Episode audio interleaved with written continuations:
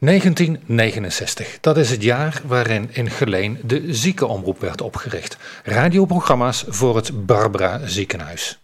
Dat is inmiddels al meer dan 50 jaar geleden, maar iemand die al bij het 25-jarig bestaan in de geschiedenis van Omroep Medisch Centrum dook, is Ed Leunissen.